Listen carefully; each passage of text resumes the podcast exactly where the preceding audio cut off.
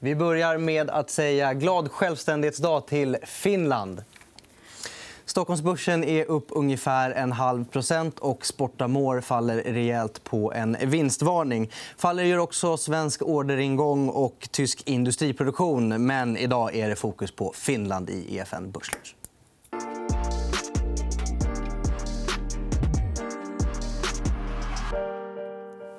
Ja, det stämmer, Albin. Och grattis till mig själv, för jag firar 200 börslunchavsnitt idag. Men vi ska inte fira det, utan vi ska fira Finland. Och idag har vi åtta finska aktiecase att bjuda på.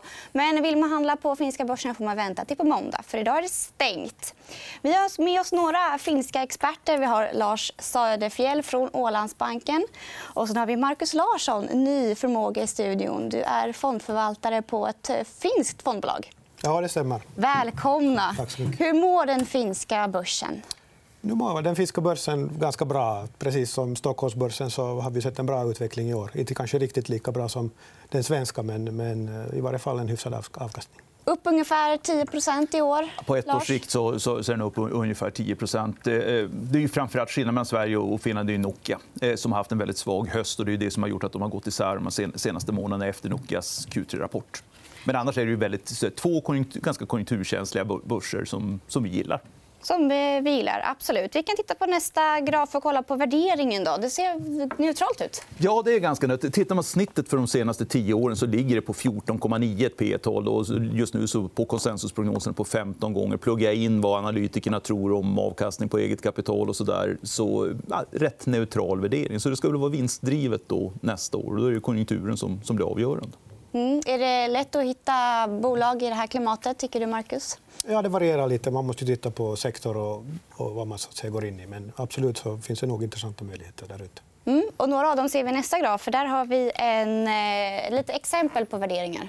Ja, det, här är, det är väldigt stora skillnader mellan eh, högt och lågt. Precis som Marcus sa, man får titta på sektorerna. Man får också fundera på var i cykeln är vinsterna. Tar man längst ut till vänster på rätt höga p-tal, runt 30 gånger, så ligger Outokumpu på, men förmodligen liksom på väldigt låga cykliska produktpriser, de, de prognoser som är just nu. Samma sak med skogsbolagen handlas ju över här snittet på 15. Längst ute till höger, bank, inte helt oväntat Nordea då, som har blivit finskt. Cargotec, Konecranes, några av verkstadsbolagen som, som, som ligger där, där ute. Men, men just att man får ta hänsyn till var i konjunkturcykeln vi, vi befinner oss när man tittar på är det höga multiplar på, på skogsbolagen.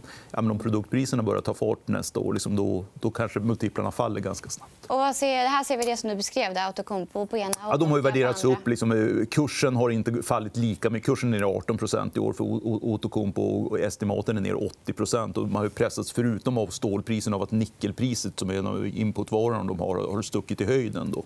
Eh, och det är faktorer som inte de kan kontrollera riktigt. Men man säger, det är ganska få bolag som har blivit billigare under som har värderats ner. Det är, det är Nokia, det är Valmet, eh, det är eh, Fortum och nåt bolag till. Resten har, liksom, precis som alla, på alla andra börser, värderats upp under 2019. Ser ni någon skillnad i hur beroende den finska och den svenska börsen är av, av cykeln och konjunkturen? Jag skulle säga att de är ganska lika. Sist och slutligen tittar du på lång sikt så i år är svenska börsen lite bättre och jag tror på fem år är svenska börsen lite bättre men på tio år sen är den finska börsen lite Mm. bättre. Så de handlar ganska, ganska, ganska lika nog så där över tid. Skulle jag säga. Mm. Svenska bolag är ju väldigt eh, dopade av den svaga kronan. Hur ser det ut där? Euron är ju inte så dopad. Nej, absolut. Och där tror jag kanske svenska bolagen har kanske lite, lite det där, fått dragit nytta, eller fall i den fällan att, att man, man blir bekväm av att man Blir finska bolag lite avundsjuka då? På... Ja, om du har varit en europlacerare så är du kanske lite avundsjuk när du har fått, eh, fått eh, emot dig det hela tiden. Så att säga. Så det, det har varit ett problem för en europlacerare åtminstone. Men man sett- sätter just på verkstadsbolagen under hela det här året att de svenska bolagen har överlevererat i- jämförelse med analytikerförväntningar men de finska faktiskt i stor utsträckning har underlevererat. Just inom verkstadssektorn, eh, som jag tittar väldigt- väldigt mycket på själv. Jag- Mycket av det är just att det har varit större positiva valutaeffekter i de svenska bolagen. De har haft lättare att slå på marginalen än vad de finska bolagen har haft. Men jag tror att långsiktigt, så, som Marcus är inne på, att det behöver inte vara någon nackdel. för att De finska bolagen kanske blir effektivare och tvingas att vara, med, ha bättre kostnadsdisciplin eh, på sikt. Nu Albin, nu blir det, caset. nu blir det case. Ja, UPM Kymmene. Okej, okay, jag plockar, plockar ut UPM därför att det tycker jag är den sektorn det mest kvalitativa och världsledande bolaget. Helt enkelt. Och, Och jag tror att eh, skogssektorn generellt sett kommer att uppleva en renässans då, då liksom efterfrågan på miljövänliga produkter och på, på dylika, dylika efterfrågas allt mer. Och UPM är väldigt, väldigt bra, ligger väldigt bra till här, mm. så tillvida. Och de kommer att investera nu i en i en uh, fabrik i Uruguay som gör dem överlägset bäst liksom kostnadsmässigt. De kommer att producera på 300 dollar per ton när marknadspriset ligger på 640. Så en 50 procents ebitda-marginal och en 50 procents vinsttillväxt att vänta liksom kommande tre, fyra åren. Så jag tycker det ser väldigt intressant ut. Och det här är Europas största tillverkare av massa, massa pris, eller produkter. Absolut. Hur har de tagit eh, massapresset? Ja, förstås har det synats, synats eh, där också. Liksom, och vi är beroende av Kina, Kinas lager och kinesiska liksom, eh, ut, utgångsläge där. Men, men på sikt så tror jag också här finns en annan, annan grej och det är det här med att skogen, skogarna i Sverige har värderats upp då via SCA och Holmen och här finns också ett sådant element som man kunde tillägga för det, förutom det här Uruguay-caset. så att säga. Men, och sen tror jag faktiskt att UPM de facto kan vara ett uppköpscase. Okay. Kineserna kunde lätt plocka, fram, plocka upp det där och därför tror jag att en, en fusion med Stora Enso kunde ligga nära till hands mm. för att skydda de här intressena och kunnande och du skulle få stora kostnadssynergier, du skulle kunna kunna samla ihop forskningen och liksom göra det här till ett ytterligare starkare världsledande bolag. Hur ser värderingen ut? Värderingen är ganska neutral, lite högre än, än börssnittet. Så att säga. Så mm. du har ingen liksom, premie jämfört med att det här kunde vara ett, ett ESG-bolag. Ett Men det kan bli en ESG-premie? kanske? Absolut. Men alltså, UPM äger ju lite, lite mindre skog än till exempel Stora i det fallet. Så det, Därför där har du mindre ESG-effekt i, i, i det avseendet. Ja, men jag, jag, tolkar nog det här ESG också på det sättet att du har, du har rena och miljövänliga Absolut, tillgångar. Och jag, jag, jag är helt du kommer att ersätta de här oljebaserade med, med mm. organiska medel. Helt yep. och det är den stora bytet från plast till papper som en ESG-komponent lär väl de dra nytta av? Ja, vi ser ju liksom redan idag att du byter ut ett sugrör från plast till organiskt medel. Du, eh, en flaska är på Skulle du säga att det här är Finlands eh, finaste bolag? I industrisektorn tycker jag nog det är definitivt hör till de finaste. Tillsammans med Kone. Med Kone. vi ska prata mer skog, men först ska vi titta på eh, Lasses finska toppicks. Det är en otroligt fin bild som ser ut så här. Mm. Eh, lite tjuvtitt på vad vi kommer bjuda bjudas på här. Men vi börjar med Stora Enso. Ja, men det är på samma tema som, som, som Marcus hade på UPM. Jag tror också på en vändning för, för produktpriserna under 2020. Vi ser tecken på att kinesiska lager börjar bottna ut, att priserna stabiliseras. Så nästa steg är rimligen att, att det kommer upp lite grann nästa år. Sen har jag valt Stora Enso för att det, dels är det lite mer operationell hävstång i det här bolaget än UPM. Jag håller med Marcus. UPM det är kvalitet, det är Rollsen i sektorn. Det här kanske inte är Rollsen, men det är åtminstone en BMW i, i, i, i, i jämförelse. Eh, men de har också mer exponering mot förpackningar. Och det är också en bit som är, UPM är ju massaproducenten framför allt. Stora har förpackningar, eh, vilket jag tycker är viktigt. Man har eh, mycket större skogstillgångar som man köpte tillbaka Bergvik. Jag tror det finns en potential fortfarande i uppvärdering av skogen, precis som för SCA och Holmen eh, i Sverige. Eh, och sen så ser jag nackdelen med Stora. De har ju ganska mycket grafiska papper de också. Mm. Liksom, och det är ingen kul verksamhet. Men de skalar ner ganska snabbt, lägger ner eller konverterar Uleåborgsbruket eh, till, till förpackningar under, under de kommande åren. Vilket de har tagit höjd för. och så vidare. Och Det tror jag är en, en, en värdedrivare på sikt. Men grunden samma drivkraft. Men Stora är alltså nettolånga 13 miljoner ton CO2-ekvivalenter till följd av att de äger skog. Det finns ett marknadspris på det, 25 euro per ton. 425 25 miljoner euro, per år. Det kan ni sätta ett nuvärde på. Det blir ganska bra. det kan vi göra. Det gör du, Albin. Va? Eh, ja, jag gör det. Jag är strax tillbaka. Nej, men, eh, de ska ju särredovisa som du sa, eh, skogsvärdena i Q4. Ja. Tror du att marknaden har underskattat vad det kan bli för, för värde? Där? Jag tror nog att marknaden förstår det. Men det brukar alltid vara när man skriver det på näsan. Framförallt på de eh, utländska investerare som kanske inte följer bolagen lika nära som de nordiska investerarna. Så blir det lite grann ett uppvaknande. Mm. Vi går vidare till ett eh, annat case som är eh, Detection Technology. och De sysslar med röntgen. Ja, det stämmer. Det är ett eh, litet finskt bolag som, som jobbar med, med röntgenteknologi. Och de jobbar då egentligen med vanlig röntgen där det kommer in deras teknologi och sen också på, i gällande säkerhet så där, där ser vi då att de kommer in på bland annat du skannar dina grejer på flygfältet så är det deras teknologi som är där. Och, och nu ska man förbättra den här eh, teknologin. Det ska bli CT-skanning så att man ser bättre vad som finns i väskorna och då behöver du mer ta ut din laptop när du, när du går igenom skanningen. Så det här är ett stort program som genomförs på europeiska och amerikanska flygfält så det kommer att vara mycket business för dem. Så trots att de redan har växt väldigt mycket i år på säkerhetsdelen så finns det ännu mer att ta av när det ska bytas ut komponenter? A absolut. Här, här är sådana här långsiktiga drivkrafter. Just med att eh, det krävs ökad säkerhet och man skannar mera.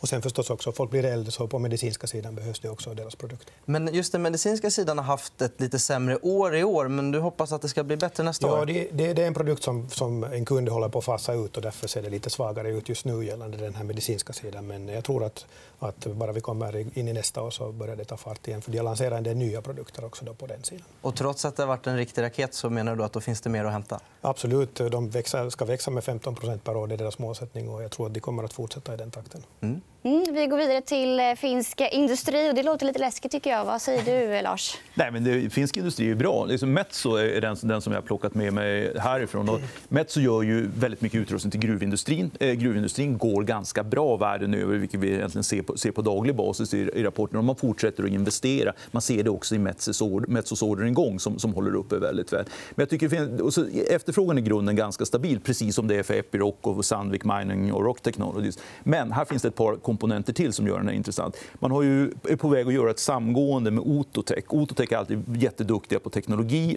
Metso har alltid varit duktiga på exekvering. Och det låter som en väldigt bra mix. Jag tror det finns stora synergier att ta fram, större än vad man har indikerat eh, i, samma, i de prospekt som har varit. Och I samband med det här så kommer man också att eh, särnotera då Neles, alltså Metsos pumpverksamhet som är en jättefin verksamhet som jag tror kommer att få en ganska hög värdering. Frågan är bara om de kommer att få uppleva en enda dag som självständigt börsbolag för en uppköpskandidat. Mm. Jag kan tänka mig både ABB och Alfa Laval skulle kunna vara intresserade av. Apropå att Alfa Laval igår på kapitalmarknaden säger att vi börjar vara mogna för lite uppköp igen. Här, Tom Eriksson, har du ett tips. vad, vad, vad, tror du om det, Marcus? Alltså, jag tror definitivt att Neles är en intressant, eh, ett intressant bolag med hög lönsamhet. Och det, som Lasse säger, här, det kunde definitivt vara någon som vill plocka upp det där. Jag skulle hoppas att det skulle komma på finska börsen för att skulle få ett tillskott på ett bra bolag. Mm. Ett annat eh, bolag som finns på finska börsen är Neste, som båda gillar. Mm.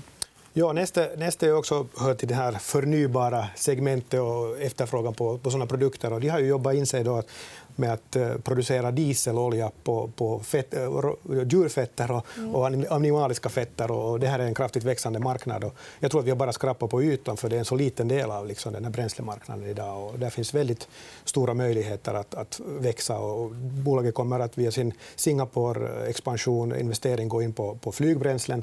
Och framtiden så också kom, kommer vi att se, se liksom bioplaster, helt mm. enkelt, där man ersätter eh, i plastproduktionen den här oljan med, med helt enkelt förnybara ren, ren Se, hyfsat dyrt. Är det en ESG-premie där kanske? Ja, det är det nog. Det är P17 på det här. Men, men alltså, materialiseras den här tillväxten, man pratar om liksom 10% årlig tillväxt för biobränslet under en väldigt lång tid framåt, eh, då tror jag fortfarande det här är värd att äga. Det...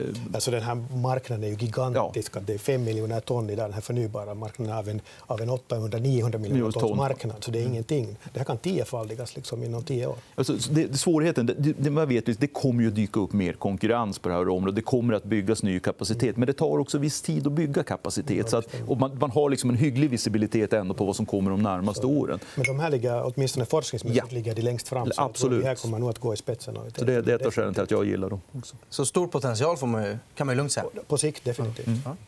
ja. Vi har en, vilken, vilken fart vi håller. Ja, men det behövs om vi ska hinna allt. För det är mycket att prata om idag. Ja, vi fortsätter och pratar om Sampo. Finns det en skräck för bank i bolaget? Där? Det, det finns det säkert. Och framförallt så har det funnits en osäkerhet kring hur deras utdelning ska påverkas av Nordeas förändrade utdelningspolicy. Nu vet vi det, liksom, både efter att Nordea varit ute efter att Sampo har modifierat sin utdelningspolicy. Eh, när jag gör en sån här så kallad sum of the parts-värdering... Eh, Som vi ser här. SOTP, precis. Eh, så att ja, men Nordeas och Top Diamond står för ungefär 30 13 euro per aktie. Liksom, det kan vi läsa av på börskursen. Så har de lite andra småinnehav. Det är Nordax och det är in, en liten stek i Intrum och lite annat. Det är ett par euro per aktie inklusive nettokassa. Men försäkringsrörelsen värderas till tycker jag kan ha ett värde på ungefär 30 euro. Nu ska jag komma på 45. Aktien handlas idag på 36-37 vilket gör att man implicit sätter ett P tal på 12 gånger för Nordens bäst skötta försäkringsverksamhet.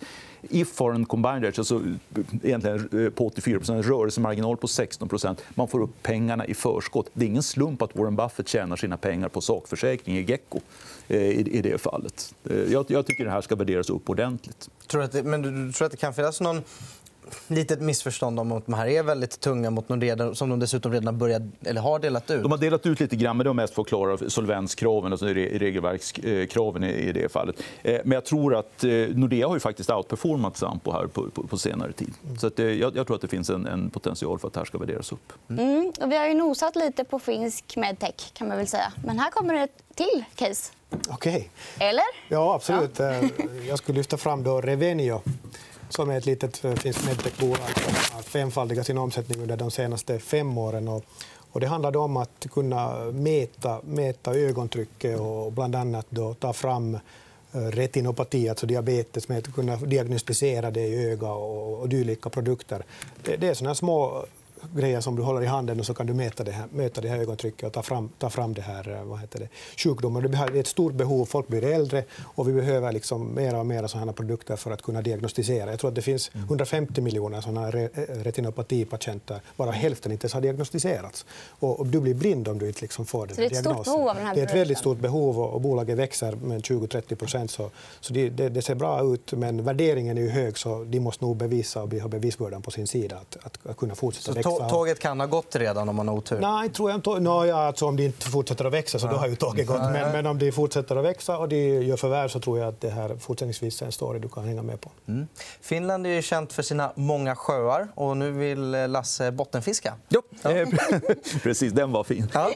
Den här aktien det är, en av de, det är faktiskt den här som jag, som jag inte äger i nuläget, men jag börjar bli väldigt sugen på den. Nokian Tires, eh, världens bästa vinterdäck kan, kan vi enkelt säga. Eh, tillverkning framförallt i Ryssland men Finland Eh, och snart i USA. Eh, dels så har det varit ett hemskt år för bilindustrin men vi börjar faktiskt se att det tar lite fart eh, på bilregistreringarna igen efter all osäkerhet som har varit kring eh, drivlinor och annat.